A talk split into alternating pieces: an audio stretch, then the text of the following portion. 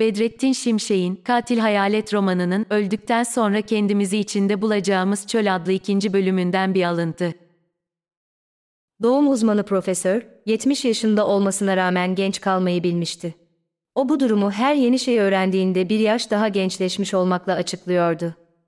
Kelly'yi saygı uyandırıyordu, çünkü kafasındaki saçları bilim uğruna dökmüştü. Bedeni çökmüş olsa da, ruhundan yükselen ateşin yansımaları canlılığı aksettiren gözlerinden görülebilirdi. Kendisini iltifatlarla şımarttığımızda ihtiyar, mutluluktan başı dönmüş gibi davrandı ve şöyle dedi. Oysa gençler dünyayı ateşe vermeye muktedirken, ruhlarını tutuşturmaya yetecek kadar bir kıvılcım bile bulamazsınız onlarda. Odada benim dışımda enstitü müdürü, tez danışmanı da vardı. Doçent üyeler dosya hakkında verilecek kararı bu ikisine bırakmışlardı. Profesör konuya girmeden önce her düşünceye açık olduğunu ifade etti. Bunun sebebi merak duygusunun onu terk etmemiş olmasıydı. Çünkü ihtiyarlar bilgileriyle değil ancak öğrenme aşklarıyla gençler için cezbedici olabilirlerdi. Bilim insanları hiçbir ihtimali göz ardı etmemeliydi. Bu reenkarnasyon gibi tartışmalı bir konu olsa da, Ancak güvenli olmayan topraklarda aranırsa, yeni şeyler bulunur. diye sözlerine devam etti. Ve bir bilim insanı için en acı şey, hiçbir şey keşfedemeden ölüp gitmesidir. Hayatında hiç olağanüstü bir şey görmemiş, bir mucizeye tanık olmamış insan acaba hiç yaşamış sayılır mı?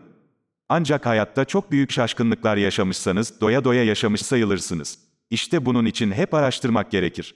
Asla her şeyi bildiğinizi, tüm soruların cevaplanmış olduğunu düşünmeyin.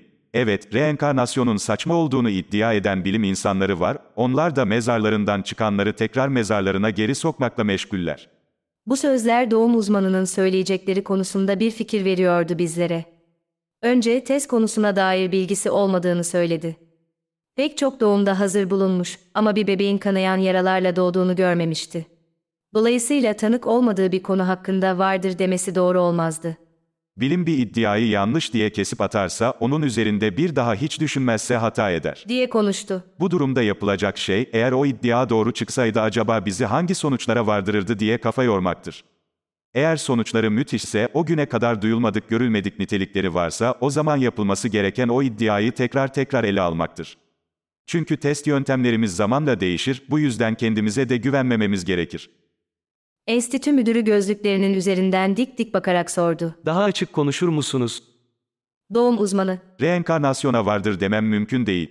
Ama reenkarnasyon diye bir şey olsaydı, o zaman şimdi yanıtlayamadığımız pek çok soru cevap bulurdu. En azından ben mesleğim açısından öyle olduğunu düşünüyorum. danışman, Bu tezi onaylamamız gerektiği anlamına geliyor mu? profesör, Bu zor bir soru. Ama ben olsam onaylardım. Çünkü bilim açısından her şey kanıtlanmış olmak zorunda değil. Kaldı ki, bu muallak bir konu ve biz bunu doğrulayamasak da gelecek kuşaklar bir gün bunu doğrulayabilir. Dolayısıyla bir iddiayı ispatı var mı yok mu diye tartışmayı vakit kaybı olarak görüyorum. Biz onun muhtemel sonuçlarına bakalım. O iddia doğru çıksaydı, sonuçları bizi nereye vardırırdı onu düşünelim. Doğum uzmanı profesörün edebiyatçılara özgü hayal gücü beni şaşırttı. Bilim insanlarının ufkunu açabilecek şeyin bilgiden çok ön sezi olduğunu düşündüm o zaman. Kısa girişin ardından tez üzerine değerlendirme başladı. Rüyalar tezde önemli bir yer tutuyordu. Bunlardan bazıları doğumdan önce anne adayının gördüğü rüyalardı. Bazıları da reenkarnasyon geçirenlerin anlattıkları rüya benzeri deneyimleriydi. Geçmiş hayatlarını hatırlayanlar, eğer ölümden sonrasını da hatırlıyorlarsa, birilerinin veya bir şeyin onları bir pencerenin kenarına bıraktığını ya da bir pencereden içeri attığını ve şimdiki hayatlarına öyle doğduklarını anlatıyorlardı. Bazı vakalar ise doğmadan önce yanlarına gelen kimi varlıkların kendilerini yeni evlerinin kapısının önüne kadar getirerek onlara içinde doğacakları ailelerini gösterdiğini söylüyordu. Doğum uzmanının bunları açıklamak için radikal bir tezi vardı.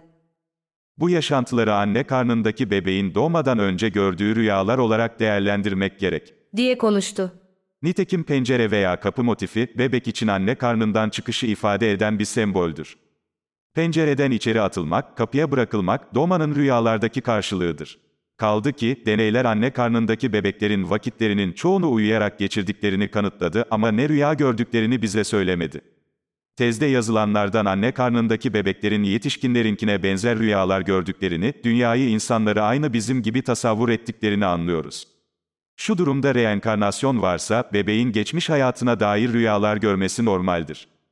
Belki bazı çocukların geçmiş hayatını hatırlaması, sırf bu rüyaları hatırlıyor olmalarındandır. Profesör ayağa kalktı, bir süre odada dolaştı. Sonra kürsüde öğrencilerine ders verir gibi bir tonla anlatmaya devam etti.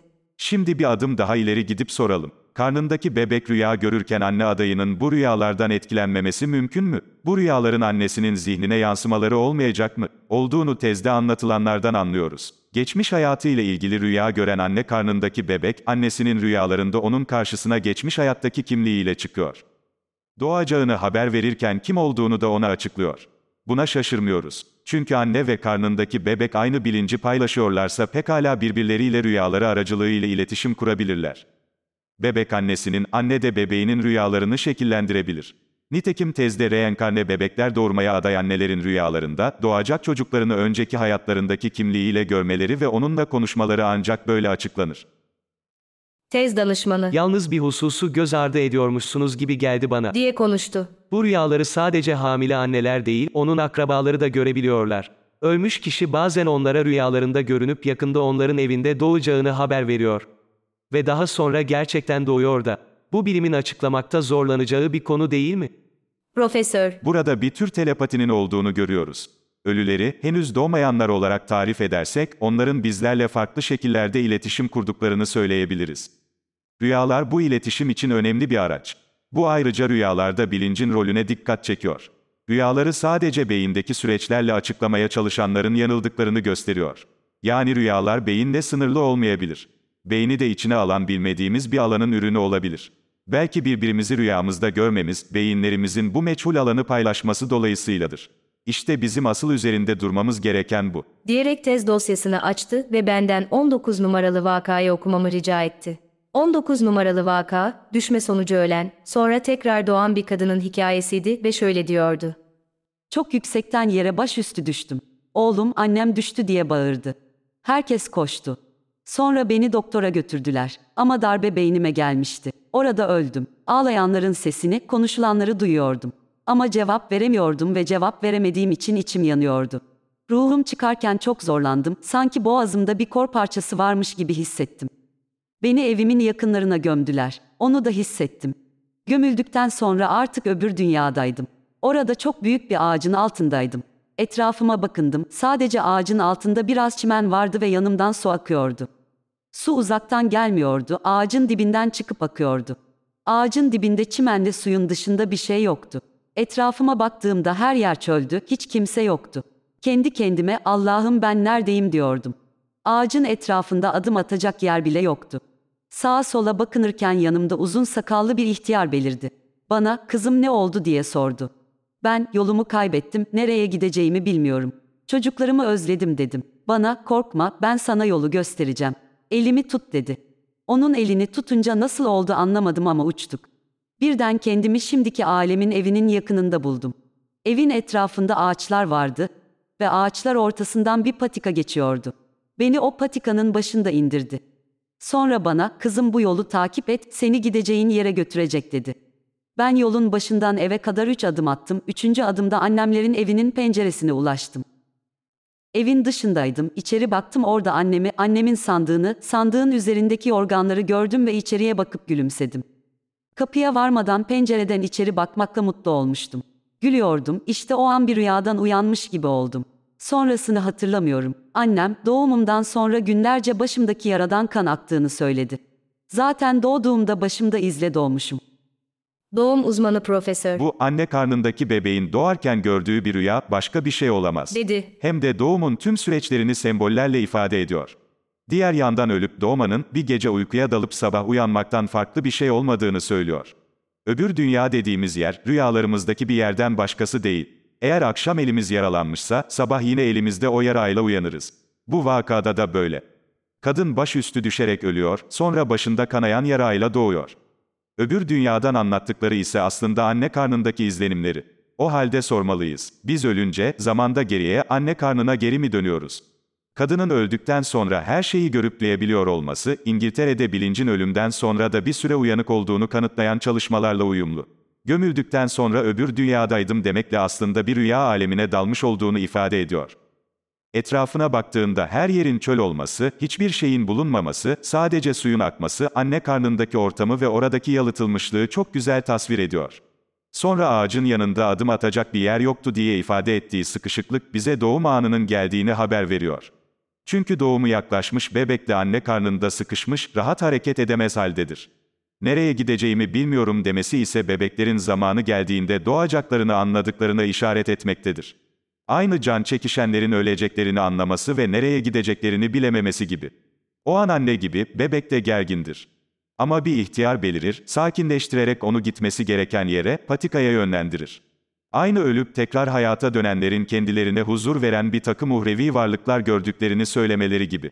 Bu patika aslında bebeğin anne karnından çıkış yoludur. Patikanın başından ileri doğru üç adım atar, böylece evin penceresine ulaşır, yani anne karnından çıkış noktasına.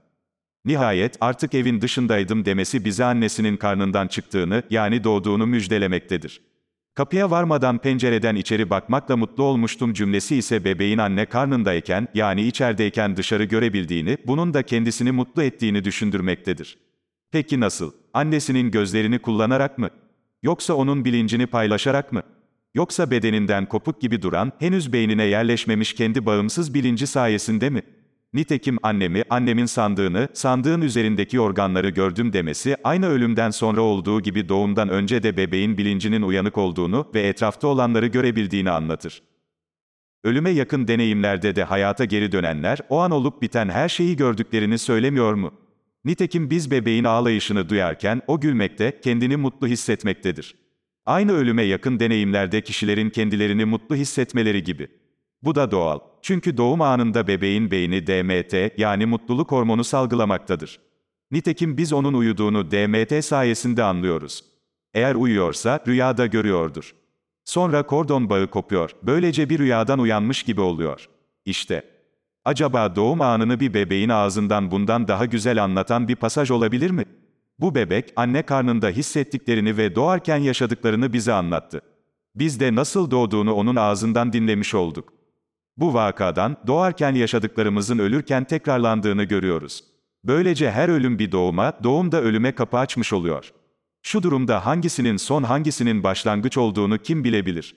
Ben, öldükten sonra ve doğmadan önce bulunduğumuz yerin, her gece uykuya daldığımızda, rüyalarımızda kendimizi bulduğumuz yer olduğunu düşünüyorum. Acaba hangisi daha gerçek? Burası mı, orası mı? İçinde yaşadığımız bu dünya bir illüzyon olabilir mi? Asıl gerçek rüyalarımızda gittiğimiz o yer olabilir mi? Yani orası her neyse, orası her neredeyse, yeni bir kıta gibi keşfedilmeyi bekliyor.